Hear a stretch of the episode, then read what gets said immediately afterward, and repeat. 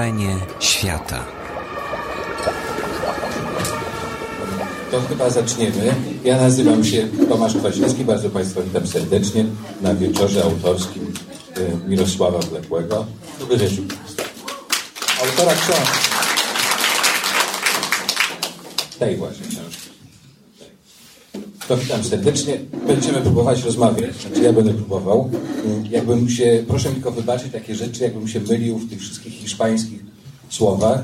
No ale Mirek, ty rozumiem, jest biegły, prawda, w tym języku. Sobie radzę mniej więcej. Na początku to tak cię zapytam, mam takie pytanie od swojego sąsiada z podwórka, Mm, ale żeby tak dobrze zdać, to muszę cię trochę przedstawić. Tutaj jest napisane, że jesteś rocznik 78, współpracownik dużego formatu i wysokich obcasów. Jednym słowem, wszystkie twoje takie afiliacje zawodowe. Jesteś absolwentem Polskiej Szkoły Reportażu, nominowany na nagrodę Newsweeka imienia Teresy Torańskiej i tak dalej. A jak wygląda tak poza tym? W sensie żona, dzieci, jak to jest? Miesz mieszkam sobie daleko stąd, w Wielkopolsce, na południu Wielkopolski, w takim miasteczku, które się nazywa Leszno. I mam żonę i dwoje małych dzieci. W lutym jedno skończyło 5 latek, a, a, a drugie 3. Także mnóstwo roboty w domu przede wszystkim, a, a czasami starcza trochę czasu na pracę też. To właśnie o tym, jak to się wyrwałeś, to za chwilę. Ale to pytanie od mojego sąsiada było takie, że tu jest napisane tak, że spotykasz różne takie pokusy na drodze, a to dziewczęta, a to jakieś propozycje narkotykowe. No i piszesz, jak mówisz, to zawsze jest w takich książkach, że pisze się, oczywiście nie skorzystałem. No ale przecież nas, dziennikarzy, nie stać na realizowanie pokus. Za co miałem bawić się w Dominikanie? Nie było mnie na to stać. Na wszystko musiałem przywieźć paragony i przedstawić je wydawnictwu po powrocie.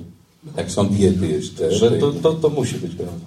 To są diety, to jest jedna rzecz. Ale czy zawsze jest tak właśnie? Zawsze Nie dostawałem diety. A nie miałeś takiej reporterskiej pokusy, żeby oczywiście skorzystać? Nie, bo nie o tym miała być tak naprawdę książka, więc nie, nie, nie taki był plan. Właśnie, tutaj jest ten początek, bo ty pojechałeś na Dominikany w zasadzie czemu? To się wyjaśni, dlaczego to był inny temat, może Mirek nie skorzystałeś właśnie. Pojechałeś w jakiej sprawie? Pojechałem napisać jeden, jeden jedyny reportaż dla Gazety Wyborczej.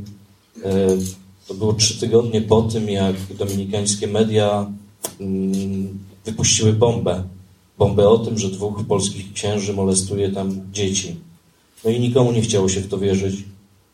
Mi też nie do końca chciało się w to wierzyć. Moim redaktorom, którzy mnie tam wysyłali, nie chciało się w to wierzyć. No i pojechałem sprawdzić. Ale od początku założyliśmy, że, że, że to nie ma być jakiś taki reportaż skandalizujący wyłącznie o, o jakimś tam skandalu, o, o księżach, który, którzy krzywdę robią dzieciom, tylko ustaliliśmy, że tam ma być jakieś tło. Jakieś tło Dominikany, charakter tych ludzi. No i udało mi się zebrać taki materiał, który potem w wydawnictwie Agory stwierdzono, że jest gotowym spisem treści książki. I szybko zapadła decyzja, że, że ja tam wrócę i opiszę ten być może największy na świecie raj, jak nam przedstawiają filmy turystyczne. No bo Dominikana to przecież raj. Z najpiękniejszymi na świecie plażami, z naj, najczystszą i naj, najcieplejszą wodą Morzu Karaibskim. To było tak, że wykupiłeś sobie wycieczkę, czy jak to było? Wydawnictwo wykupiło mi wy, wycieczkę. Od, od początku ustaliliśmy, że, że, że zacznie się ta książka od, od wczasów po prostu. Skoro wszyscy jeżdżą do Dominikany na wczasy typu all inclusive, no to i ja tak pojadę. Mm, tak się zaczyna książka zresztą, od wczasów all inclusive. Natomiast ja szybko, bardzo szybko opuszczam te mury hotelowe. Ale to poczekaj, zanim opuścisz, to opowiedz jak to było, jak tam w ogóle, jak to wygląda, jak się tam ląduje, jak to wygląda. No tak wygląda, że idzie się do biura podróży w Polsce, płaci się kupę kasy. Jak się, to później, wiem, to jak się wiem. później dowiedziałem, to, to, to nawet niewielki ułamek tej kasy odlatuje do Dominikany. A ile zapłaciłeś? No takie w czasy kosztowały 6 tysięcy złotych. Tydzień, tak? Dwa tygodnie na przykład.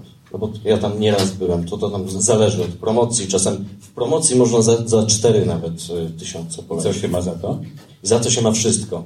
Mówi się, że w Dominikanie all inclusive jest y, rozwinięty najbardziej na świecie, to znaczy Ja nigdzie w innych krajach nie byłem, ale podobno w Egipcie to jest tak, że w cenie jest jedzenie i picie do którejś tam w nocy, a, a w Dominikanie jest całą dobę. Można pić, jeść, bawić się, korzystać z lekcji salsy, lekcji tenisa, jogi. Jest wszystko, wszystko w cenie. Zabawa przez y, cały turnus, dwu czy, czy tygodniowy. E, no i na takie wczasy poleciałem. W książce zresztą taka piękna anegdota, skąd się wzięła opaska All Inclusive, a mianowicie z ruchu anonimowych alkoholików. Możesz to opowiedzieć? Tak, był taki kaznodzieja protestancki w Wielkiej Brytanii, nazywał się Thomas Cook. Może Państwu coś y, to nazwisko mówi, bo teraz drugi największy koncern turystyczny na, na świecie ma tę nazwę właśnie, Thomas Cook. No i Thomas Cook postanowił y, zorganizować wyjazd na wiec e, przeciw alkoholowi, przeciw, przeciw alkoholi, alkoholizmowi.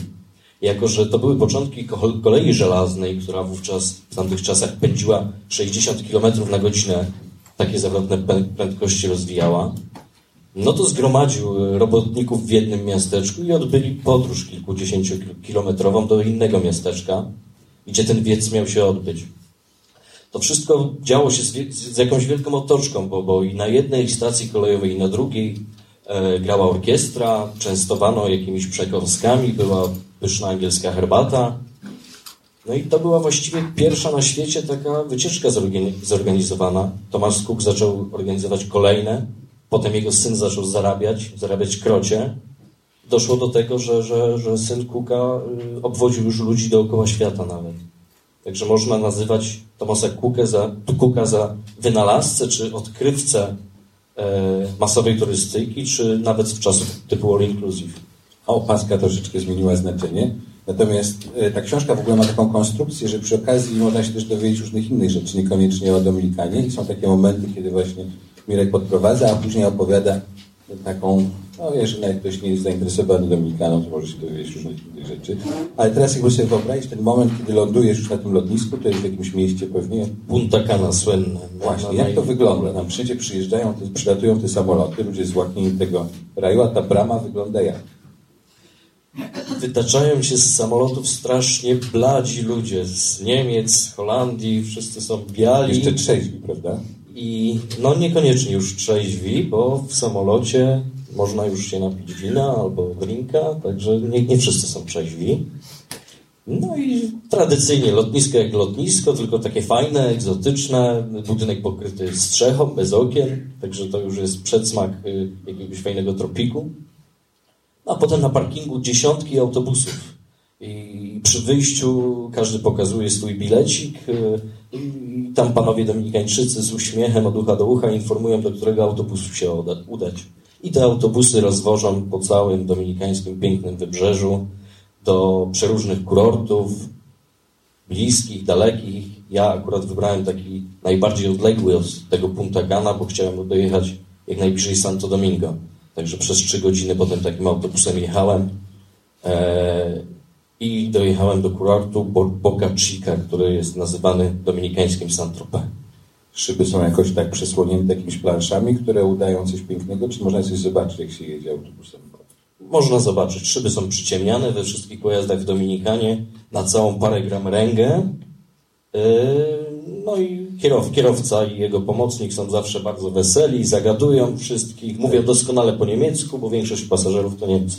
A można sobie tak, ale to jest tak, że jakby za oknem ten widok też jest taki rajski, czy już pojawiają się jakieś takie oznaki, że to może tylko tak w niektórych punktach?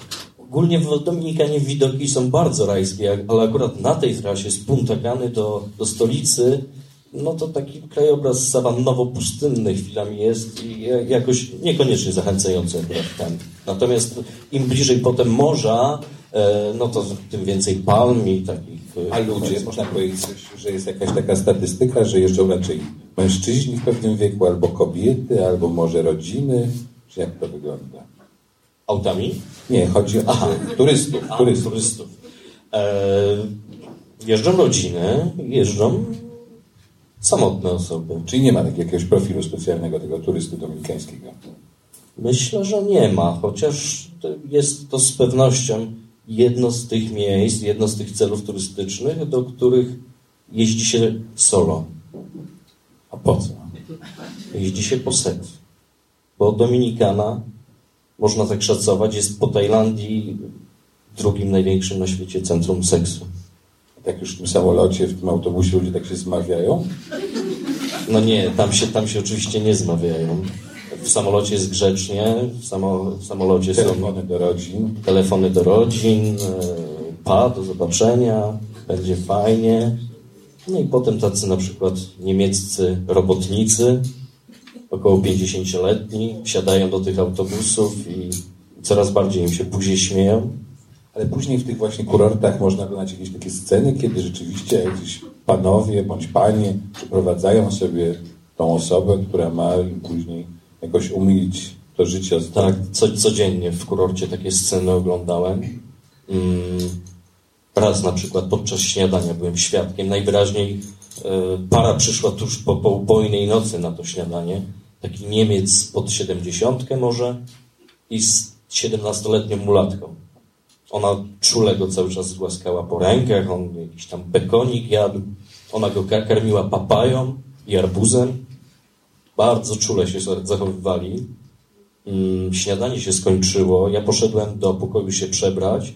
No i ruszałem w teren. Musiałem jechać do stolicy, bo tam miałem wywiady już zamówione. I wyszedłem z hotelu, przeszedłem 50 metrów, idąc na przystanek autobusowy. No i to było pół godziny po śniadaniu.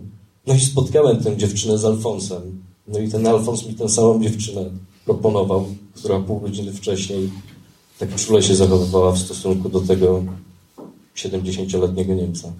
No i co wtedy myśli Polak z Warszawy, reporter na wyjeździe? No myśli, że to jest jakieś wielkie królestwo seksu, prostytucji, co się potem sprawdziło, bo, bo, bo zacząłem, za- zacząłem drążyć, rozmawiać, sprawdzać statystyki, czytać. I się okazało, że Dominikana jest czwartym na świecie największym eksporterem prostytutek po Brazylii, Filipinach i Tajlandii, że mnóstwo prostytutek, mnóstwo kobiet jest y, niemalże porywanych z Dominikany albo wywożonych pod pozorem jakiejś fajnej pracy kelnerki w Hiszpanii czy w Trinidadzie i Tobago. No a tam to, to, to już taki scenariusz, jak- jaki znamy w przypadku Polek na przykład, wywożonych do Niemiec. Dojeżdża taka Dominikanka do, do Hiszpanii, tam zabiera jej się paszport i zmusza do seksu. Często przez wiele lat nie może wrócić do swojego domu i do swoich dzieci, bo to jest akurat bardzo charakterys- charakterystyczne w tej prostytucji dominikańskiej. Aż 90% y, prostytutek dominikańskich jest matkami. One po prostu pracują w tym zawodzie, bo, bo, bo muszą wy- wyżywić swoje rodziny. Tam jest jeszcze taki jeden element, który doczytałem zresztą w książce, że bardzo chętnie zachodzą w ciąży z, z białym człowiekiem, dlatego że to jest od razu tam później jakiś... Łatwiej się żyje temu dziecku. Łatwiej się żyje, bo jeśli zajdzie się w ciążę z białym człowiekiem, no to dziecko będzie bielsze. To jest powszechne przekonanie w Dominikanie, że jeśli urodzi mi się pierwsze dziecko, no to będzie mu się żyło lepiej, zdobędzie lepsze wykształcenie, będzie miało wyższą pensję, będzie lepiej traktowane. Rasizm jest y, olbrzymi na Karaibach. Właśnie tu sobie zrobimy taką dygresję, która miała być później, ale jak tak sobie wyszliśmy, to proszę bardzo. E, Odcieni skóry jest niezliczona ilość. Tam jest cały taki, taka strona, na której są opisane te różne kolory, jak to jest się białym. Ty jesteś jakiego koloru? Jestem blanco, czyli biały. Chociaż miałem wątpliwości, czy jestem blanco w Dominikanie, bo jako blanco to często przedstawiali się tam mulaci, którzy mieli dużo, dużo ciemniejszą skórę ode mnie. Ja nawet tam w książce napisałem, doszedłem w pewnym momencie do wniosku, że ja nie jestem blanco, tylko jestem przeźroczysty chyba. A jakie są te kolory, pamiętasz, czy nie? Oj, to są bardzo trudne wyrazy, ale na przykład jest kilkanaście kolorów, e, na przykład indio, kilka rodzajów indio i dom, sami Dominikańczycy się śmieją z tego koloru, który nawet im do dowodów osobistych wpisują.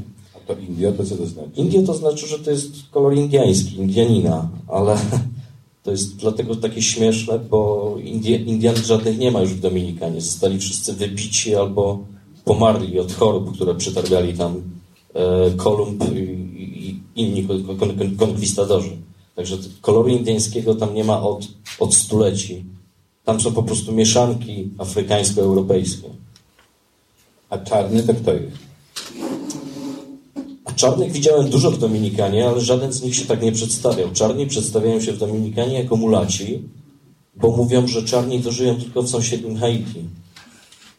To jest tak zaraz Haiti właśnie, tylko, bo tak zaciekawiłem się przez moment, czy to jest tak, że ktoś mówi, cześć, nazywam się tam, załóżmy Juan, czy tam jak to się mówi, i później mówi, jestem tam właśnie mulatem? No nie, nikt tak nie mówi. Ja poznałem takiego młodego profesora, doktora z, na, na Uniwersytecie w Santo Domingo, e, z którym zgadałem się na ten temat i postanowiliśmy przeprowadzić e, eksperyment. Poszliśmy do takiej dzielnicy uniwersyteckiej i tak sobie chodziliśmy pomiędzy budynkami, zaczepialiśmy różnych, różnych, różne osoby i on mnie przedstawiał jako dziennikarza z Polski, który y, chciałby dowiedzieć się tych wielu ciekawostek na temat kolorów dominikańskiej skóry.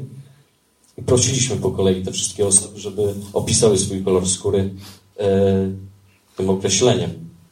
Jednym z tych określeń. No, no i rzeczywiście było zabawnie, kiedy mulaci mówili, że są biali, a czarni mówili, że są mulatami. A jak powiedziałeś rasizm, to co miałeś na myśli? No bo czarnego po prostu się w Dominikanie nie toleruje. E... No, ale jak on nie jest czarny, tylko jest właśnie z India...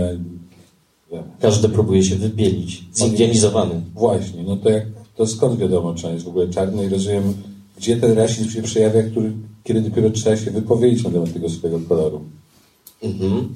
Eee, powszechnie wiadomo, że czarna, czarna osoba, bardzo czarna osoba e, nie, nie zdobędzie dobrze płatnej pracy. Kiedy jeździłem na przykład do, do ważnych redakcji telewizji dominikańskich czy do gazet, no to tam gwiazdami nie są czarni obywatele tego kraju. Co najwyżej nieliczni mulaci. Czarne osoby tam widziałem jedynie pracujące jako sprzątaczki, jako tragarze, taksówkarze, kierowcy największymi gwiazdami telewizji politykami najważniejszymi Dominikanie są ludzie o niemal tak białej skórze jak nasza Polska. Ja też mam takie doświadczenie, pamiętam z Meksyku kiedyś, jak jechałem autobusem, pokazywali te wszystkie filmy i rzeczywiście ta telewizja meksykańska to była jak z jakiejś bajki, bo oglądaliśmy to jest z jakimiś osobami, które właśnie z Indianami, tudzież właśnie z mulatami i tak dalej, a tych ludzi, którzy byli w telewizji, to w ogóle ja nigdzie nie widziałem, oni chyba tylko właśnie mieszkali w tej telewizji Zresztą u nas może jest podobnie. Tak, wy, wy, ogląda się telewizor, wychodzi się na ulicę i zupełnie inny kolor skóry ma ta Dominikana niż ta w telewizji. Masz rację. Choć muszę jeszcze Państwu powiedzieć, że byłem ostatnio w takiej jednej galerii handlowej tu w Warszawie i tam okazało się, że jest bardzo dużo w ogóle ludzi z telewizji i nawet stałem w kolejce i oni tak ze sobą rozmawiali i taka jedna pani powiedziała, to jest takie miejsce naszych spotkań, takie tajne tutaj. I jak my chcemy spotkać się trochę z ludźmi, zobaczyć jak oni chodzą, wyglądają, to tu właśnie przychodzimy, nie wiedziałaś o tym. Więc jest takie miejsce, mogę zdradzić, tam cała telewizja się zaopatruje, kupują zioła na przykład. W każdym razie Haiti, bo zaraz przy granicy, przy, znaczy na tej wyspie, która się nazywa jak dokładnie, cała ta wyspa, ona ma jakąś nazwę? Mm, po polsku to ma nazwę Haiti, ale w Stanach Zjednoczonych nazywa się ją Hispaniola, tak jak nazwał ją Kolumb. To jest stara nazwa tej wyspy. Właśnie, czarny jak Haitańczyk i obok jest to Haiti. Haiti to wszyscy jakoś kojarzymy na przykład z tym trzęsieniem ziemi, prawda? Zresztą pojawia się taki wątek cholery, która ma z tego Haiti przybyć na Dominikany, więc jedna z bohaterek tej książki e, traci biznes, który prowadzi. Właśnie, ale jakbyś mógł opowiedzieć, bo to jest przepięknie tutaj napisane, czym się różni to Haiti od e, Dominikany, jak to, że tak powiem, inaczej rosło?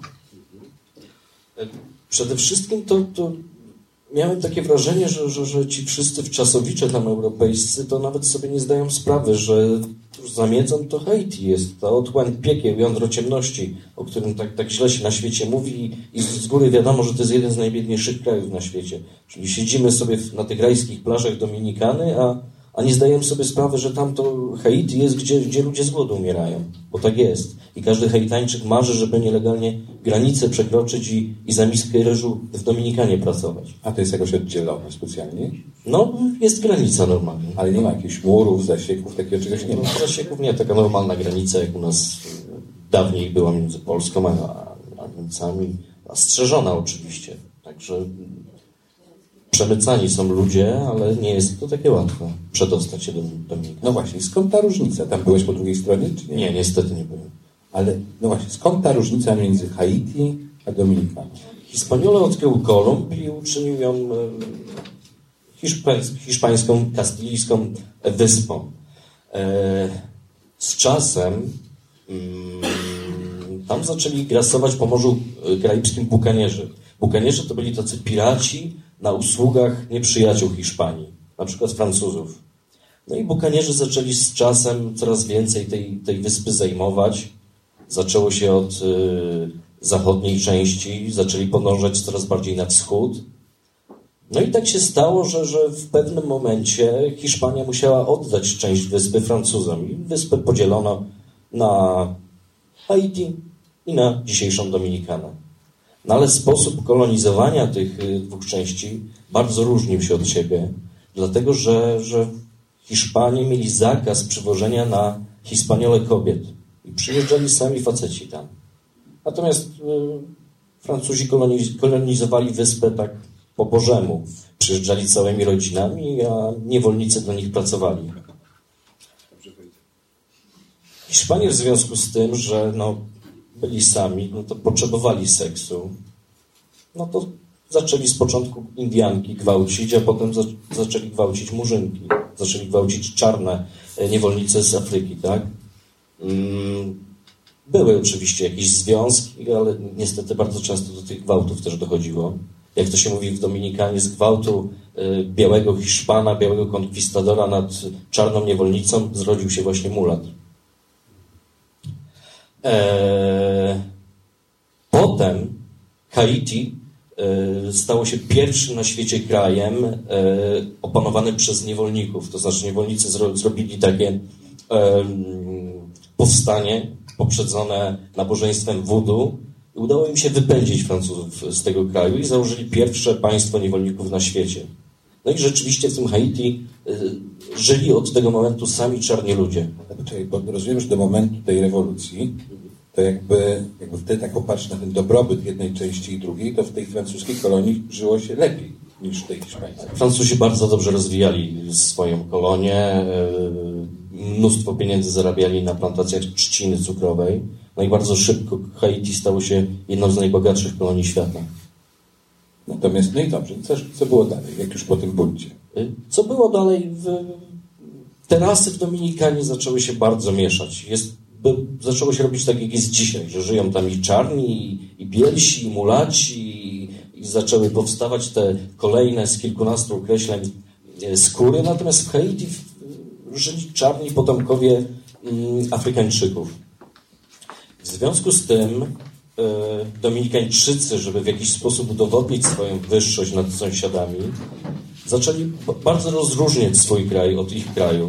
Zaczęli mówić, że no, ta Dominikana, jasna, biała niemal, tak uważali, że są biali, to jest Europa, natomiast Haiti to Afryka. My mamy religię katolicką, cywilizowaną. Oni wyznają voodoo.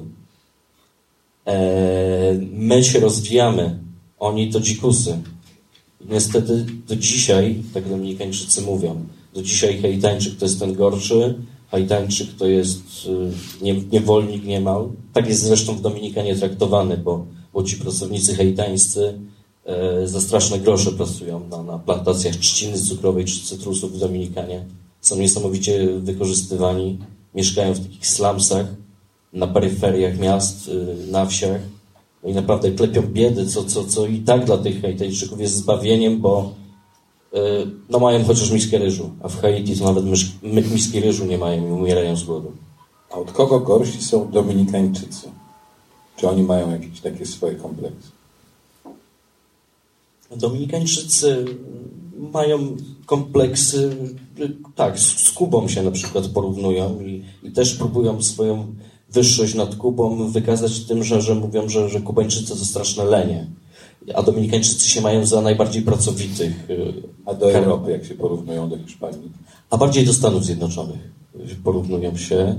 No, mówią, że, że no, to jest taka ziemia obiecana dla Dominikańczyków. Kilka milionów Dominikańczyków żyje w Stanach Zjednoczonych. E, Dominikańczycy marzą, żeby tam e, e, się przeprowadzić. Nie, ci, nie, nieco bogatsi spędzają w Stanach wakacje. No a jeśli chodzi o Europę, no to, to, to oni uważają się, że oni są przecież wszyscy potomkami Europejczyków, że właściwie Dominikana to taki jeden z krajów europejskich prawie jest, że to Hiszpania i Dominikana to właściwie jedno. Byłeś na obrzędzie wudu? Byłem. Jak to wygląda? Wygląda przedziwnie. E, długo się oswajałem z tym obrzędem. E, leje się mnóstwo alkoholu, czego z początku nie mogłem zrozumieć. Kapłan. Jest w jakimś domu, czy. E, oczywiście można. Każdy turysta może w takim pokazie wód wziąć udział w Santo Domingo, natomiast tak, zapłacić i, potańczą, pośpiewają, no ale to nie będzie prawdziwe.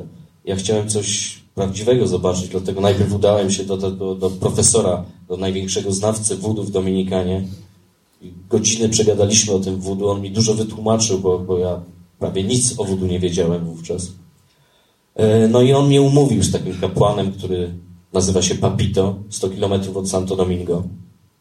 Pojechałem tam, gdzie, gdzie nie docierają żadni turyści, e, do takiego slumsu prawdziwego, złożonego z samych drewnianych chatek, E, bez asfaltowych ulic. Akurat lał deszcz, także wszystkie ulice spływały błotem. Papito zaprosił mnie do swojego domu, gdzie był ołtarz. Na ołtarzu butelki z, z Coca-Colą, ze Sprite'em, z rumami. Jak się później okazało, to wszystko były ofiary. Obrazki święte, bo wudu to synkretyzm religijny e, i każdego Boga wudu łączy się z, z, z E, katolickimi, dlatego widziałem na ścianie i na ołtarzu przynajmniej 10 czy 12 matek boskich, świętego Piotra, świętego Józefa i innych świętych. No a potem zaczął się kult. Papiter rozpalił ognisko, wlewał w siebie kolejne butelki rumu, grały bębny inne instrumenty. Najbardziej przeraziło mnie, kiedy Papito, yy, upojony już bardzo rumem, do ogniska wsadził głowę na jakieś, jak, jak to obliczyłem, 8 sekund. I nic mu się nie stało. Zawodowiec. Zawodowiec, naprawdę. Nie miałeś takiego pomysłu, żeby się nawrócić? Nie, nie miałem, nie miałem. Natomiast dużo rzeczy potem musiałem wyjaśniać, bo z Papitą umówiliśmy się, że nie będę w kulcie przeszkadzać. Spędziłem tam 4 godziny, natomiast stałem na uboczu. Potem w środku nocy odjechałem. No i musiałem wrócić do tego profesora i zadać mu wiele pytań, bo, bo, bo, bo wielu rzeczy nie mogłem zrozumieć, przede wszystkim tego alkoholu. Profesor wy, wytłumaczył mi, że bogowie wudu uwielbiają alkohol. E, jeden Bóg lubi szampana, coś lżejszego, inny woli piwo, a jeszcze inny uwielbia rum. A że tego dnia kult był odprawiany na cześć akurat takiego Boga, który uwielbia rum, no to ten szaman wy, wypił z dwie półlitrowe butelki może, tak szacowałem. No a, a ci bębniarze i, i jego otoczenie z kolejnych 20. Także... Ciekawe, czy w Polsce jest jakaś taka, taki kościół budy gdzieś. Nie wiesz? E, widziałem na wsiach pod kościołem. No, żony, żony, żony są na mszy w niedzielę, a mężczyźni odprawiają taki alkoholowy kult wudu. No, niedaleko mojego miasta jest takie miasteczko, w którym czasem, wioska taka, w której bywam i tam to zawsze się odbywa. A to, to prawda jest z tą igiełką, czy to jest coś z budu ma coś wspólnego, że robisz tam tą postać, czy ją ubierasz i nadziewasz? Nie, no właśnie ja taki przerażony tam przyjechałem do tego papita, on widział, że ja przerażony, zaczął mnie uspokajać i, i mi dużo rzeczy też wytłumaczył. Powiedział, że, że naoglądałem się amerykańskich filmów. PR. PR amerykańskich, tak. Ameryka, Amerykanie rzeczywiście przekłamują ten, ten kult wudu nie, nieco tam z tych laleczek, to niewiele w tym kulcie jest zombie też e, w amerykańskich filmach znalazło się jako pochodna wudu, bo się mówi, że czarownicy przemieniają ludzi w zombie. To też jest nieprawda. No i Dominikańczycy próbowali mnie przekonać, i ten papito, i ten profesor, i inni wyznawcy wudu, że, że to jest bardzo pozytywna religia, która nie niesie żadnych negatywnych treści ze sobą. No, a, a, a, bardzo często łączy się też z katolicyzmem i to jest akurat prawda, bo, bo są nawet w Dominikanie takie kościoły, w których y, księża dopuszczają elementy wudu. Flagi o charakterystycznych barwach, e, bębny w czasie mszy świętych. Y, To jest też jakby normalne i w Haiti, i w Dominikanie, że wyznawcy wudu w niedzielę idą do kościoła katolickiego i, modlą się do katolickiego ale Boga, nie do odwrotnie. chrześcijańskiego Boga. Ale nie, ale nie odwrotnie, rozumiem. Ale jaka jest w ogóle atmosfera wokół wudu na Dominikanie? To jest taki właśnie element, że to jest niebezpieczne, że to jest coś takiego dziwnego, że to jest coś, co jest jakieś właśnie diabelskie, czy co tak? Przez takiego białego dominikańczyka to wudu nie jest dobrze odbierane. Wyznawcy wudu są raczej krytykowani przez tych dominikańczyków, no bo wudu kojarzy się z Haiti. W Haiti 80% ludzi wyznaje wudu, w Dominikanie 10% ludzi wyznaje wudu. I zazwyczaj y, y, dobrze sytuowany Dominikańczyk z wyższością patrzy na to wudu. Natomiast, jak mi to wytłumaczono, y, nawet politycy, kiedy zależy im na, do, na dobrym wyniku w wyborach, no to pokryjomu udają się do, do, do czarownika wudu i proszą o odprawienie rytuału, żeby dobrze w wyborach mu poszło, albo żeby, żeby kobietę zdobyć, na której mu zależy. Także nawet, nawet nie wyznawcy często do tych czarowników odwiedzają, bo mają jakieś tam interesy. Zresztą widziałem coś takiego podczas tego kultu. Nagle podjechały dwa niesamowicie wypasione samochody. Z samochodów wyszli młodzi ludzie, modnie ubrani, no, bogacze, jacyś synowie, córki, naprawdę bogatych, prominentów dominikańskich. Oni gdzieś tam zniknęli w tym domu Papito, e, nie wychodzili z niego. Potem dowiedziałem się, że, że to był tak właśnie taki przypadek. Oni nie byli wyznawcami wudu, ale mieli coś do załatwienia. Musieli coś wy, wybłagać u sił wyższych, no i postanowili, że załatwi im to czarno, że załatwi właśnie to czarownik za jakąś skromną opłatę. A ty się tak nie bałeś, tak jeździć w takie miejsca, w ogóle tak po tej Dominikanie tak krążyć? Na wudu pojechałem z taksówkarzem zaprzyjaźnionym, który wszędzie mnie obwoził po okolicy. Wiesz jak to jest? Mówią, żeby nie ufać taksówkarzom. Ale on był wspaniały. On był, on był bardzo biały. I, i mówił, że jest z pochodzenia Francuzem. E, zresztą on dzień przed wyjazdem ze mną na wudu e, był w swoim miasteczku. E, w jego miasteczku, w sąsiedztwie odprawiano też nabożeństwo. No i akurat podrzynano gardło kozu i pito gorącą krew, opowiadał mi na tym nabożeństwie. Ja niestety tego podczas mojego nabożeństwa nie widziałem. Budził zaufanie, rozumiem, ale powiedz, byłeś w jakiejś takiej niebezpiecznej sytuacji, czy nie? W czasie tego. Po ile tam byłeś w ogóle czasu na tej Dominikanie? No raz dwa tygodnie i drugi raz ponad dwa tygodnie. Byłeś kiedyś w takiej niebezpiecznej sytuacji? Że coś raz, ci grozić? raz tylko. Jak to wyglądało? Tak to wyglądało, że, że wyszedłem na plażę około 21, już było ciemno, mm, hotelową. Niczego się nie bałem, bo przy plaży, przy plaży stali ochroniarze hotelowi. A już w ogóle niczego się nie bałem, bo z daleka dwóch policjantów nadjechało na motocyklu. Ale zrobiło się groźnie, bo motocykl, bo motocykl odstawili na bok, wymierzyli we mnie zardzewiałą strzelbę, no i napadli mnie. Dwóch policjantów. Zażądali pieniędzy. Przeszukali mnie. Ja nie miałem pieniędzy. No i zacząłem z tymi policjantami negocjować, bo jakoś wszyscy dookoła znikli. Ochroniarze hotelowi pochowali się za, drzewa, za drzewami. Ale sumie, co mogli ci zabrać? U, u, uwolnienie, bo oni, oni mi grozili, że jeśli nie dam im kasy, no to, to, to będę aresztowany. Tak, tak się wyrazili. Że aresztujemy cię i tym, tą strzelbą zardzewiałą wymachiwali. Trzeba było pokazać tą opaskę all inclusive. Pokazałem, a oni mówią, gdzie masz żonę? A ja mówię, nie, ja tu bez żony, he, he, he, nie wierzymy, coś tu ściemniasz, nie, będziesz aresztowany, no takie gadki. Potem zaczęli wymiękać, byli coraz łagodniejsi. Na końcu okazało się, że, że od rana nic nie jedli i zaczęli wręcz mnie prosić, żebym dał im jakiś grosz, bo, bo chcieliby sobie smażoną rybę gdzieś tam na plaży kupić. E, dopiero potem się okazałem, że to jest. Dopiero potem się przekonałem, że to jest normalne w Dominikanie. Jeśli tam się można kogoś bać, to, to policji. E, jeśli zdarzają się napady, to, to, to bardzo często policjanci napadają jak mi ktoś powiedział, to zazwyczaj w dniu wypłaty.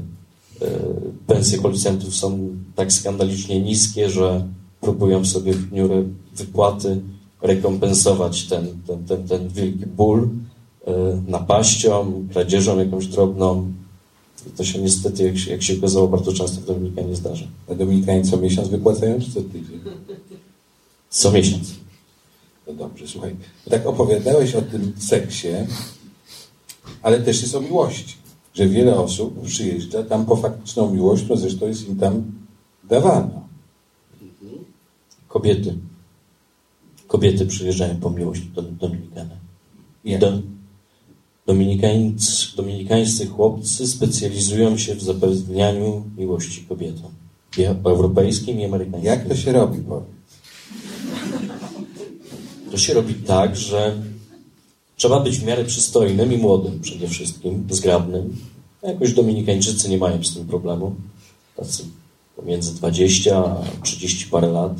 Ubierają kolorowe koszule, jakieś błyszczące kolczyki sobie zakładają, brylancik w łóżku, e, okularki, podróbki Raybenów, no i chodzą po plaży. Chodzą i polują na, na bogate turystki ze Stanów Zjednoczonych albo z Europy. Koniecznie samotne turystki muszą to być. Te turystki już wiedzą, że Dominikana jest świetnym miejscem do miłości, więc jeżdżą do tej Dominikany. No i bardzo często pierwszego dnia turnusu wybucha już wielka miłość pomiędzy 20-letnim Dominikańczykiem a 60-letnią Amerykanką czy Holenderką. Dominikańczycy grosza nie żądają za, tę, za tę miłość, są bardzo szczerzy, obwożą swoje mm, europejskie kobiety po wyspie, zapraszają do swojego bardzo biednego domu, przedstawiają swoją matkę, która z głodu niemal um- umiera. To jest prawdą często. To jest często prawdą. Eee, no i dwa tygodnie trwa ta wielka miłość. Europejka wyjeżdża z Dominikany zachwycona, koniecznie chce tam wrócić za rok. No ale wtedy dostaje mail od, od tego swojego kochanka dominikańskiego, że, że pojawił się jakiś pierwszy problem. No na przykład on, on tak zaniedbywał pracę przez te dwa tygodnie, bo się skupiał na tej Europejce, że, że wyrzucili go z pracy i on teraz nie ma za co żyć. No i Euro- Europejka wysyła pierwsze dolary do Dominikany, żeby wspomóc swojego chłopca.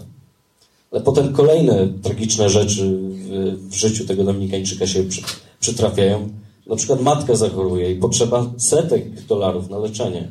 A potem on jeszcze do więzienia zupełnie niesłusznie trafia i, i, i trzeba go wykupić, trzeba kaucję zapłacić. No i tak te Europejki zaczynają pieniądze wysyłać. To, to jest zawód tych młodych chłopców.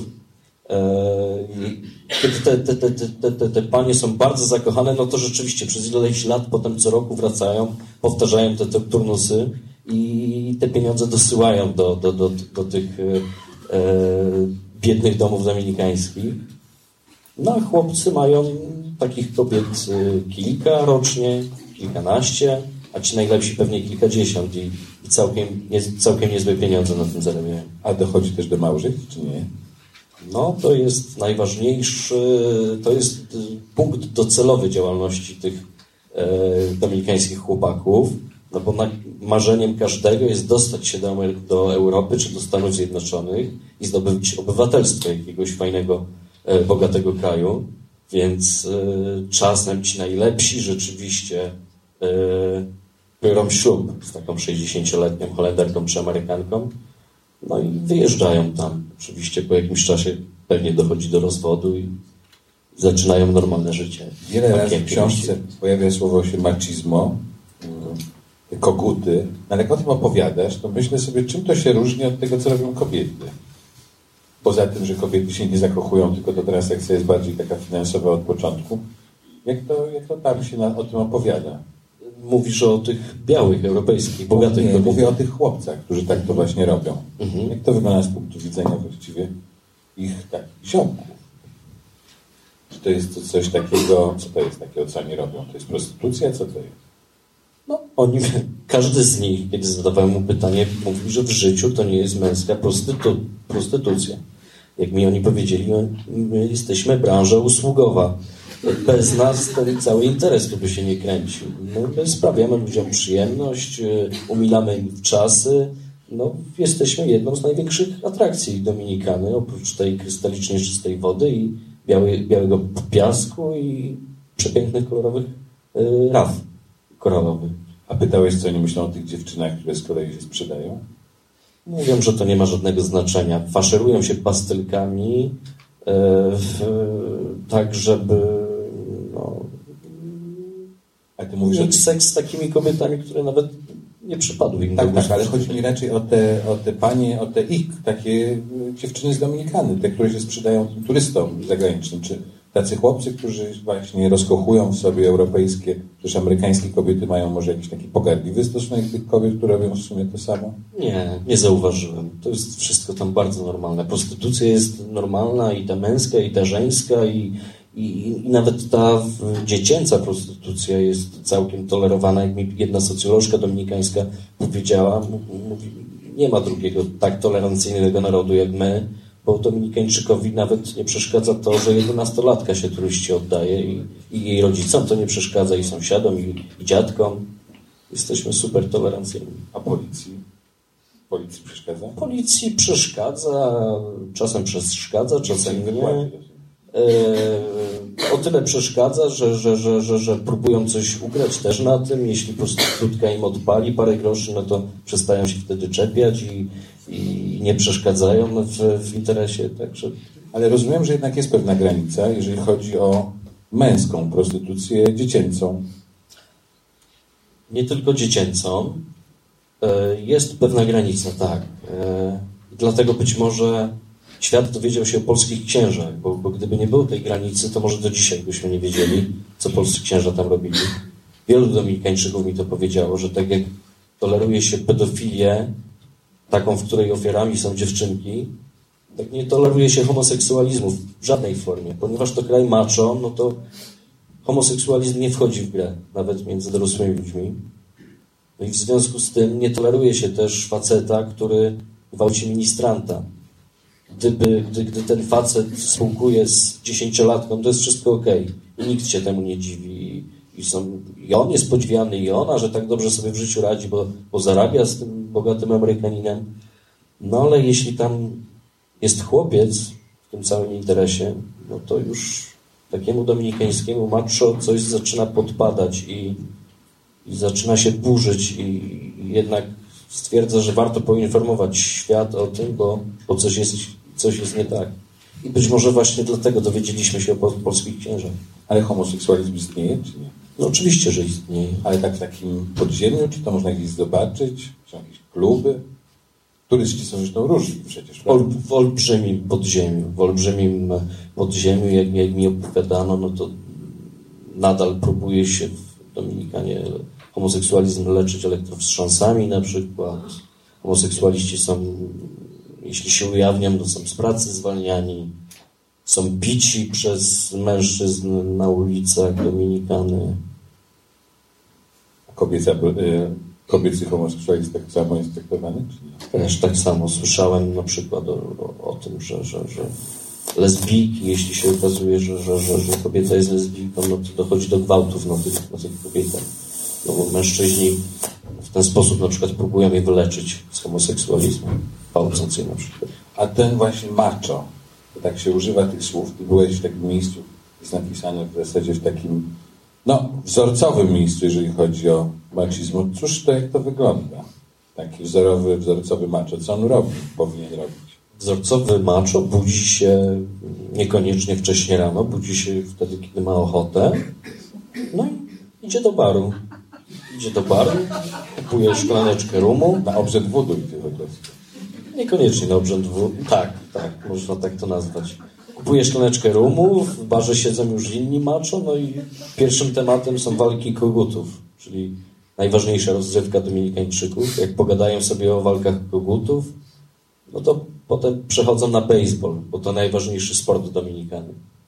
A jak już omówią wszystkie mecze baseballowe, no to zaczynają się przechwalać, który ile kobiet zapłodnił w życiu, bo to też jest bardzo karaibska specjalność mnóstwo mężczyzn mi się przechwalało, że, że ten miał, ten ma kilkanaście dzieci z siedmioma kobietami, a ten nieco mniej. To jest wielki powód do dumy dla każdego dominikańskiego macho zapłodnić jak najwięcej dzieci i zdobyć jak najwięcej kobiet. Bo oni tam żyją w takich rozszerzonych rodzinach, prawda? W bardzo rozszerzonych 70% yy, matek dominikańskich wychowuje dzieci samotnie. No bo tak, tak jak pszczoły może. Mężczyźni tak tylko za- zapylają. Skaczą od domu do domu, zapładniają kobiety rok, dwa, przeprowadzają się do następnego. A te kobiety tak samotnie wychowują te olbrzymie niekiedy gromadki dzieci. Ale musi być też cała masa mężczyzn, którzy nie zapładniają w związku z tym, prawda? Że jakby tylko ta pewna taka wierchuszka się tym trudni, a cała reszta gdzieś się tak szwenda, nie wiadomo. Z, z, całą pewnością ta rywalizacja do, jest już do tego stopnia, że, że, że, że, że pewnie niektórzy e, przesadzają w swoich przechwałkach, być może nie mają 15 dzieci, ale zaledwie 10, 10, tak? E, no ale dzieci jest rzeczywiście mnóstwo. Dominikana jest pełna dzieci. Kobieta, kobieta 25-letnia często już jest po, po iluś porodach. W Dominikanie często 25-latka jest już uważana za, za niezbyt atrakcyjna, za otyłą. Taki dominikański macho zostawia 25-letnią żonę i szuka sobie 18-latki na przykład. Właśnie, bo opisujesz pewną osobę, już dokładnie nie pamiętam, ona chyba była wykładowczynią na jakimś uniwersytecie, prawda, że ma 30 parę lat i nie jest w ciąży ani w żadnym związku, znaczy nie ma dzieci ani nie w związku, jest jakimś wyjątkowym ewenementem chodzącym. Tak, i to nie, tak, nie ja ją tak opisałem, tylko ona sama się tak przedstawiła, socjolożka. Jedyna taka na No ona mówi, że to się nie zdarza. 31 lat, nie ma męża, nigdy dziecka nie urodziła jeszcze. No i rzeczywiście drugiej takiej kobiety nie spotkałem w Dominikanie przez tygodnie. Mężczyźni gdzie jeszcze to swoje macizmo demonstrują? Tak oczywiście tak zasugeruję, jeżeli mogę. W tych samochodach, ale jak to wygląda? Jechałeś parę razy właśnie. W samochodach wygląda to tak, że wszystkie są samochody poczaskane. Nie widziałem tak pokiereszowanych samochodów nigdzie na świecie. Nie mają reflektorów, szyb nie mają, pogięte są całe. Tam, gdzie są dwa pasy, Dominikańczycy urządzają sobie trzeci pas. Jak wyjeżdżają z porządkowanej ulicy, w ogóle nie zwracają uwagi, czy coś główną jedzie. W związku z tym jest gigantyczny bałagan na Dominikańskiej ulicy. Stłuczek Dominikana ma najwięcej niemal na świecie. Eee, codziennie byłem świadkiem stłuczki, wypadku jakiegoś, widziałem trupy przy głównych drogach nawet. Eee, a do najzabawniejszej sytuacji doszło w Santo Domingo, gdzie taksówkarz z pasażerem cofali sobie wzdłuż takiej jednokierunkowej ulicy i pasażer miał drzwi boczne otwarte na całą szerokość. W związku z, pod, w związku z tym podczas tego cofania e, ocierali o wszystkie samochody z prawej strony zaparkowane, ale w ogóle nie widzieli tego. A blacha się tam już gięła strasznie, rysy na tych samochodach wszystkich i w pewnym momencie te drzwi od taksówki odpadły. No i dopiero wtedy wypadli z samochodu i bardzo zdziwieni chwycili się za głowy i zastanawiali, jak to możliwe, jak te drzwi mogły odpaść. Bo oni w ogóle kiepsko jeżdżą, bo to nie jest tak, że oni tak mają te wypadki, bo są tacy w ogóle dobrzy mistrzowie kierowcy, w ogóle kiepsko jeżdżą. A jak już rozszyfrowałeś, czemu oni taki mają antytalent do jeżdżenia samochodami. Trudno rozszyfrować, ale niektórzy sami się przyznają, mówią w Dominikanie, że, że jesteśmy najgorszymi kierowcami świata. nawet taki, tak, tak, tak, taką broszurę w nakładzie 200 tysięcy egzemplarzy niedawno wydano w Dominikanie, rozdawano ją za darmo, w której przypominano, że, że, że na drogach jakieś przepisy w ogóle obowiązują i, i takie podstawowe znaki tam przybliżano i, i omawiano, co one znaczą i radzono, że może warto przestrzegać tych znaków i tych przepisów, bo Dominikańczycy za bardzo o tym nie pamiętają. A kto to jest ten Montesinos? Ja dobrze mówię? Montesinos. Kto to był? Montesinos to jest pierwszy w historii świata obrońca Indian. Dominikanin, który krótko po, po odkryciu Hispanioli został wysłany do, do, do Santo Domingo i zasłynął tym, że wygłosił najbardziej bulwersujące kazanie w historii Hiszpanii, w historii Nowego Świata. W 1511 roku w obecności Diego Kolumba, syna Krzysztofa i innych możnych y, hiszpańskich, wyszedł na, na i ośmielił się stwierdzić, że Indianie mają duszę. Bo wówczas w Europie uważano, że Indianie duszy nie mają. Zastanawiano się, kim są ci Indianie. Jeden, jeden bardzo ważny myśliciel hiszpański Sepulveda uważał wręcz, porównywał Indian do owadów. Niektórzy myśleli, że są może jakimiś wysłannikami szatana, albo to jakiś gatunek zwierząt jest. No a ten Dominikanin Montesinos wyszedł i powiedział, że, że to są ludzie tacy jak my, tylko mają inny kolor skóry. No dostał nauczkę za to, bo został wygnany z Dominikany, musiał wracać do Hiszpanii i, i tłumaczyć się przed królami za to swoje kazanie. Dominikańczycy postawili mu pomnik gigantyczny, tuż nad Morzem Karaibskim, najwyższy pomnik y, Santo Domingo. I tu też jest pewnie taka, taka pewna polska historia, która się łączy z tym pomnikiem. Jaka mianowicie? No niestety w tym pomniku obrońcy e, praw ludzi właśnie nasz nuncjusz apostolski Józef Wesołowski został przyłapany. Ten pomnik e, jest złożony z takiego trzypiętrowego postumentu. Można wejść do jego wnętrza. To jest gigantyczny pomnik. Najwyższy poziom to jest taki taras, drugi poziom to jest e, takie pomieszczenia w miarę czyste i najniższy to jest jakiś taki slums, brudny. E, tam narkomani ćpają nocami w tym miejscu. Tam często pedofile schodzą się, żeby spółkować z małymi chłopcami bezdomnymi, którzy tam mm, na pobliskiej plaży żyją. No i tam właśnie naszego nuncjusza apostolskiego przyłapano, że, że on w tym wchodził do tego pomnika, prawdopodobnie opłacał policjantów, którzy patrolowali okolice, żeby pilnowali wejścia no i tam dochodziło do seksu, właśnie w pomniku obrońcy praw Indian. A jaka jest relacja między państwem dominikaną a kościołem? Jak to wygląda tam? Mówi się, że w Dominikanie obowiązuje naj, naj, najbardziej atrakcyjny, najkorzystniejszy dla kościoła konkordat na całym świecie. A objawia się to na, na, na, na, na, przeróżne sposoby. Finansowanie kościoła jest gigantyczne przez państwo. Nieujawniane niestety, nie, nie wiadomo jaka to jest skala, natomiast e, każdego miesiąca e, do każdej diecezji kierowany jest z kasy państwowej e, jakiś przelew, bardzo duży zresztą. Niemal połowa księży dominikańskich e, to kapelani, albo policji, albo wojska. Niestety w związku z tym niektórzy chodzą z bronią. Ksiądz Wojciech G., Polak, w swoim miasteczku Huncalito chodził i z pistoletem i z pałką policyjną. Jeśli ministranci nie chcieli mu się oddawać, to, to ten pistolet przystawiał im do głowy, a pałką policyjną groził. Niestety ci księża, wielu księży, oczywiście nie wszyscy, w związku z tym żyją tam w olbrzymim przepychu. Jak mi opowiadano, to, to ksiądz G bawił się ze swoimi najlepszymi przyjaciółmi non-stop w pięciogwiazdkowych hotelach, w kurortach, lał się rum, wydawane pieniądze były na lewo i prawo. Zresztą nie był pierwszy skandal. Co to jest takiego, bo tak, tak sobie znalazłem przytułek San Rafael de Yuma, tak? Tak. Cóż to takiego jest? To jest e, niesamowita rzecz, wręcz nieprawdopodobna. Nie wiem, czy to Dzieci nie ma, więc chyba trochę mogę opowiedzieć, ale to jest najbardziej przerażająca rzecz, o jakiej usłyszałem w Dominikanie. Właściwie tam się teraz zaczęło o skandalach pedofilskich dopiero głośno mówić. I teraz zaczęło się wyjaśniać te, te, te bulwersujące rzeczy.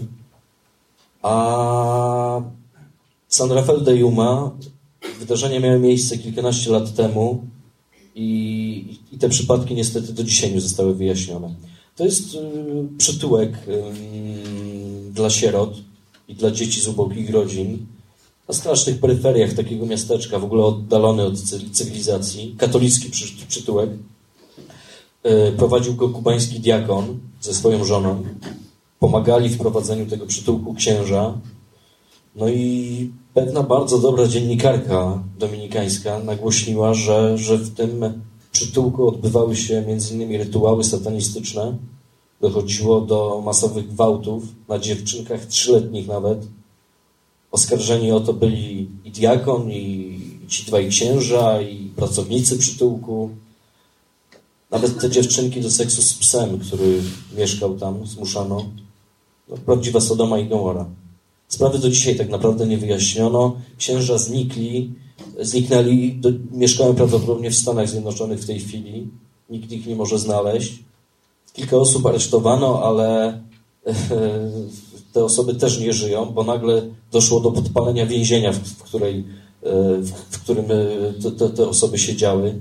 W, pożarze więzienia zginęło prawie 100 osób.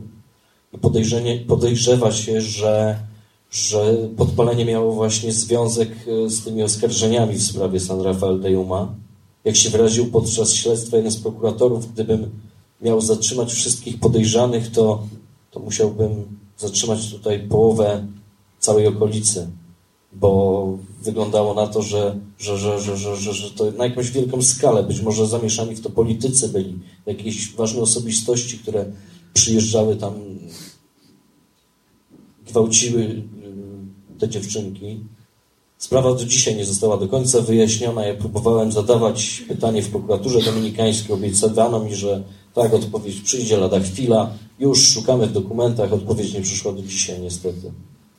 Ale to był taki ostatni, mam wrażenie, przykład yy, pedofilii w Dominikanie, który nie został wyjaśniony, bo, coś się zmieniło w tym kraju. No właśnie, dlaczego sprawa Nuncjusza i księdza G jakby tak się...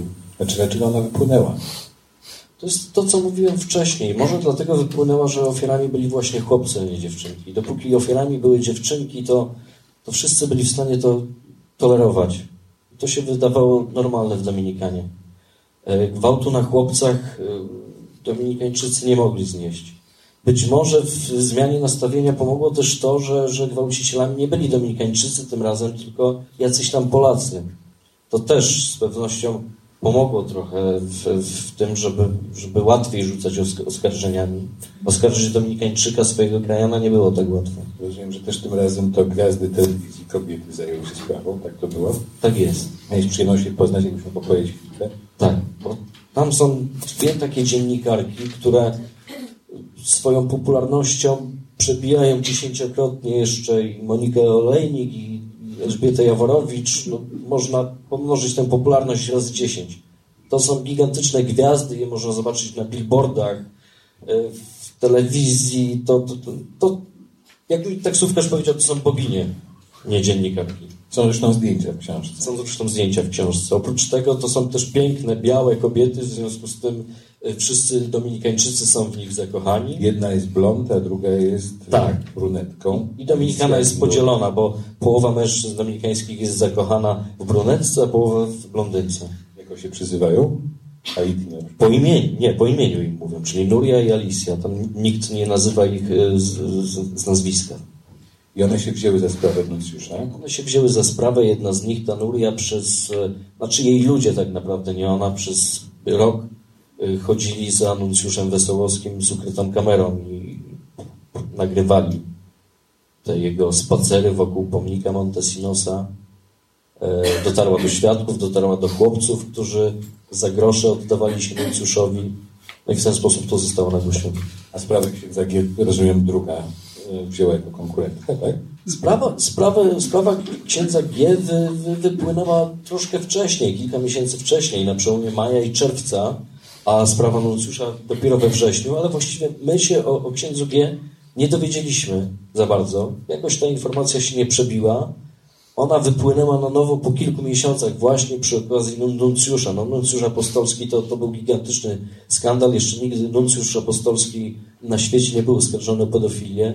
Więc y, zrobiła się straszna zadyma, kiedy to y, się okazało. No i, i jakby po tych kilku miesiącach dziennikarze odświeżyli historię księdza Wojciecha G. i wtedy jakoś obie, obie te historie znalazły się na tapecie. Nuria była w Polsce. Nuria nie była w Polsce, Alicja, tak? Alicja przyjechała do Polski. No i właśnie, ty później rozmawiałeś, bo ona tu była w jakiej sprawie? Znaczy, to było związane z... Księdza G głównie. I, ale czego szukała? Chciała porozmawiać e, z krewnymi księdza, pojechała do jego rodzinnej wioski, rozmawiała z prokuratorami. Jak wracała, znaczy rozmawiała też z tobą, zwierzyła się co do tego, jak sobie roz, co myśli o Polsce. Rozmawiała z holenderskim e, dziennikarzem, z panem Overbeckiem, który napisał książkę o pedofilii w polskiej kościele, w polskim kościele. Co mu powiedziała? co mi powiedziała po tej rozmowie? Powiedziała mi, że, że strasznych rzeczy nasłuchała się w Polsce, że, że w ogóle ta Polska to, to, to jakieś centrum pedofilii księżowskiej, jak się okazuje, i nikt w tej Polsce nie chce tego wyjaśniać.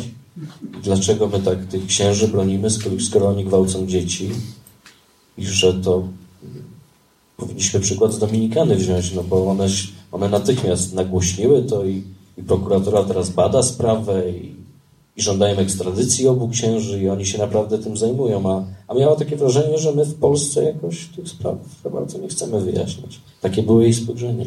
A jakby, jakbyś ty miał powiedzieć o podobieństwach między Polską a Dominikaną, to gdzie je widzisz? To Ja, ja to widzę tak, że, że Polska była taką Dominikaną chyba 20 lat temu. Też mieliśmy macho, którzy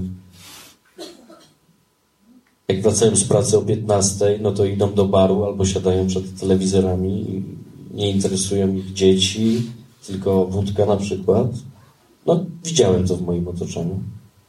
Tak, tak, tak, tak, to, tak to nawet gdzieś tam w mojej rodzinie się rozgrywało. No przecież nasi ojcowie nie zajmowali się za bardzo dziećmi, tylko zajmowali się sobą po 15. To mamy były od y, pracy na drugi etat, od sprzątania, gotowania, zmieniania pieluch. No ale to macze, jak opowiadasz teraz, to zacząłem to w porównaniu do tego dominikańskiego, jak wcześniej malowałeś, takie smutne jest właśnie. Ten polski taki macze to taki smutny. No tak, bo, bo, bo, bo w Polsce za komuny nie grało do tego merengę i Polacy się nie śmieją, tak? Dominikańczycy tak naprawdę są przesympatyczni, są szalenie uśmiechnięci, przyjaźni, otwarci. Tam wszyscy byli bardzo pomocni dla mnie. Ja obojętnie z kim chciałem się na rozmowę umówić, każdy się ze mną umawiał. Każdy udzielał mi wszelkich informacji, pomagali, uśmiechali się. Ta muzyka gra tam wszędzie. E, no, Karaiby po prostu. Ale jeszcze też opisujesz, że kobiety, jak ci mężczyźni, na przykład opisujesz jakąś scenę, jak idziesz taksówką, wychyla się taksówkarz i mówi, że jak tam jakaś dziewczyna nie zejdzie z drogi, to on jej wiedzie w tyłek, a ona zaczyna tańczyć. Tak, ona zaczyna jeszcze bardziej zamiatać tymi pośladkami, no bo to, to, to, to taki rytuał na Karaibach jest. Y, kobiety stroszą piórka, y, kobiety lubią się mężczyznom pokazywać, to jest taka gra. Z jednej strony są ci macho, z drugiej strony każda kobieta chce czymś mężczyźnie zaimponować i normalne jest poklepywanie, poklepywanie obcych osób po pośladkach. Mężczyźni poklepują kobiety, kobiety poklepują mężczyzn. E, dotykanie, to jednak zupełnie inna kultura niż u nas. My boimy się blisko siebie siedzieć nawet, a, a tam jest pusty autobus, siedzi w autobusie jedna osoba, a dosiadająca się druga osoba siada oczywiście obok tej. Natychmiast zaczyna się rozmowa, bliskość. Rozmawiałeś z tą panią właśnie, to takim ewenementem jest w sensie, że już ma te ponad 30 lat, no i nie ma dzieci, ani nie jest w żadnym związku. To czy ona ci opowiada o jakiejś która sobie nadchodzi w Dominikanie? I ta, i inne opowiadały mi, że, że tak, że bardzo dużo w świadomości y, Dominikańczyków y, zamieszali polscy księża właśnie, bo, bo od, momentu wybuchu tego skandalu Dominikańczycy zaczęli się zastanawiać i myśleć, że coś jest nie tak chyba w naszym społeczeństwie. Nie tylko, nie tylko, nie tylko w umysłach polskich księży, ale tu, na Karaibach coś się takiego dziwnego dzieje. Tam się jeszcze kilka różnych takich rzeczy wydarzyło, yy, które no, przewróciły nieco świadomością Dominikańczyków i ruszyły tam debaty w ostatnich dwóch latach na temat zmiany konkordatu. Zaczęto myśleć, zaczęto myśleć o tym, że, że na przykład yy, może aborcja nie jest taką najgorszą rzeczą. Trzeba pamiętać, że Dominikana jest jednym z dziewięciu krajów na świecie, gdzie aborcja jest całkowicie zakazana. Ja opowiem taką jedną historię. Yy, ojciec oddał swoją dziesięcioletnią córkę sąsiadowi do wykorzystywania w zamian za jakąś drobną pomoc, za zapełnianie lodówki. Sąsiad tę dziesięciolatkę w Santo Domingo przez bite dwa lata gwałcił. Każdego tygodnia, niemal dzień w dzień. Po dwóch latach ta wtedy już dwunastolatka zaszła w ciążę i się okazało, że trojaczki nosi w brzuchu. Lekarze w, naj, w najlepszym szpitalu w Santo Domingo jednoznacznie stwierdzili, że ta dziewczynka podczas porodu raczej na pewno umrze, że nie ma szans na przeżycie. To, to, była dwunastolatka i w dodatku jeszcze bardzo wątła dwunastolatka. Dwunastolatka, która przypominała dziewięciolatkę. No, dzieciątko malutkie. No ale oczywiście aborcji w żadnym wypadku w Dominikanie nie można przeprowadzić i ona musiała te dzieci urodzić. Cud sprawił, że, że i dzieci przeżyły, i ona przeżyła. Te dzieci teraz mają gdzieś 6 miesięcy może. No ale jako, że, że ta dziewczyna, dziewczynka pochodzi z bardzo biednej rodziny, no to, to, to im jest bardzo ciężko. Gwałciciel zniknął, nie wiadomo gdzie jest. Dominikańczycy nie płacą alimentów. W podobnej sytuacji jest wiele dziewczynek, dziewczyn dominikańskich. Zachodzą w ciążę w bardzo młodym wieku, 12-15 lat. 10% 15-latek dominikańskich jest już matkami. Zdaje się, że połowa 18-latek jest już po ślubie. Tak, może puentując, bo powoli będziemy kończyć, mm, czy jakby ktoś podszedł do Ciebie i powiedział, że ma ochotę pojechać sobie na Dominikany na wakacje all inclusive. Powiedziałbyś, wiedząc to wszystko, jedź, czy raczej byś powiedział, może zastanów się, czy warto, nie warto, wspierasz coś, nie wspierasz w ten sposób, jak pomyśl? Nie no, jedź, bo to chyba być może to jest najpiękniejszy kraj świata, naprawdę jest cudowny i, i ludzie też są wspaniali, ale trochę większą świadomość warto mieć w czasie takich czasów. Może, może warto wyjść trochę z hotelu, dać zarobić e, Dominikańczykom w jakimś lokalnym barze, porozmawiać z tymi ludźmi, troszeczkę się zastanowić, że, że, że nad tym, że, że, że ci wspaniale uśmiechnięci kelnerzy i pokojówki w tych pięciogwiazdkowych hotelach zarabiają tak naprawdę marne grosze, są wykorzystywani. W kurortach Punta Cana y, pracują pracownicy z całej Dominikany, których nie stać na, na powrót do rodzin w ciągu całego roku. Jadą od święta tylko, na Boże Narodzenie na przykład. Raz w roku wracają do swoich rodzin, bo nie stać ich na bilet autobusowy. No ale tego nie widać w tych hotelach, bo ci ludzie naprawdę potrafią udawać i potrafią świetnie pracować. Pracują przez 18 godzin na dobę i, i cały czas się uśmiechają i są usłużni i, i spełniają każde życzenie turysty i, i, może się wydawać, że tam naprawdę jest raj na ziemi, a, a niekoniecznie. Czy ktoś z Państwa ma jakieś pytanie może do Mirka? Tak na początku zapytam, a jak nie, to ja jeszcze mam takie jedno, takie swoje ulubione, już raz mu zadałem, a on pięknie wymawia po hiszpańsku słowo pietruszka. I chodzi o coś takiego, że było, tak to się nazywało chyba masakrą pietruszkową, tak? Masakra pietruszki. I na czym to polegało? To polegało na tym, że w Dominikanie rządził kiedyś taki dyktator Trujillo. No, największa zmora chyba w historii Dominikany. Można dużo o nim poczytać w tej książce. No i Trujillo postanowił e, wybielić Dominikanę, bo uznał, że w pewnym momencie robi się za czarna. A ta, a ta czarność Dominikany wynikała z tego, że tych Haitańczyków zaczęło się coraz więcej tam przeprowadzać i przedzierać przez granicę.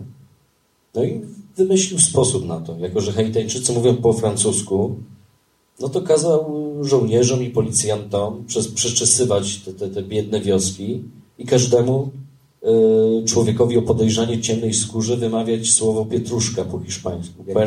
Perejil. Francuz nie jest w stanie tak tego wymówić. Wymówi to z francuska. Ja nie potrafię z francuska wymawiać. No i zasada była prosta. Kto nie umie wymówić po francusku słowa pietruszka, ten ginie od maczety. I w ten sposób Trujillo zamordował około 20 tysięcy ludzi w ciągu kilku miesięcy. Dziękuję Państwu bardzo serdecznie za uwagę. Dziękuję bardzo. Gratulujemy autorowi.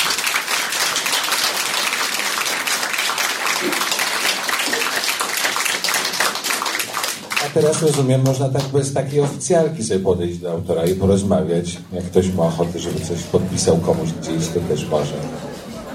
Dziękujemy bardzo. Fundacja Instytut Reportażu zaprasza do swojej księgarni z literaturą faktu i kawą w Żenie Świata na ulicy Gałczyńskiego 7 w Warszawie. Wejście przez bramy Nowy Świat 48 i Nowy Świat 52.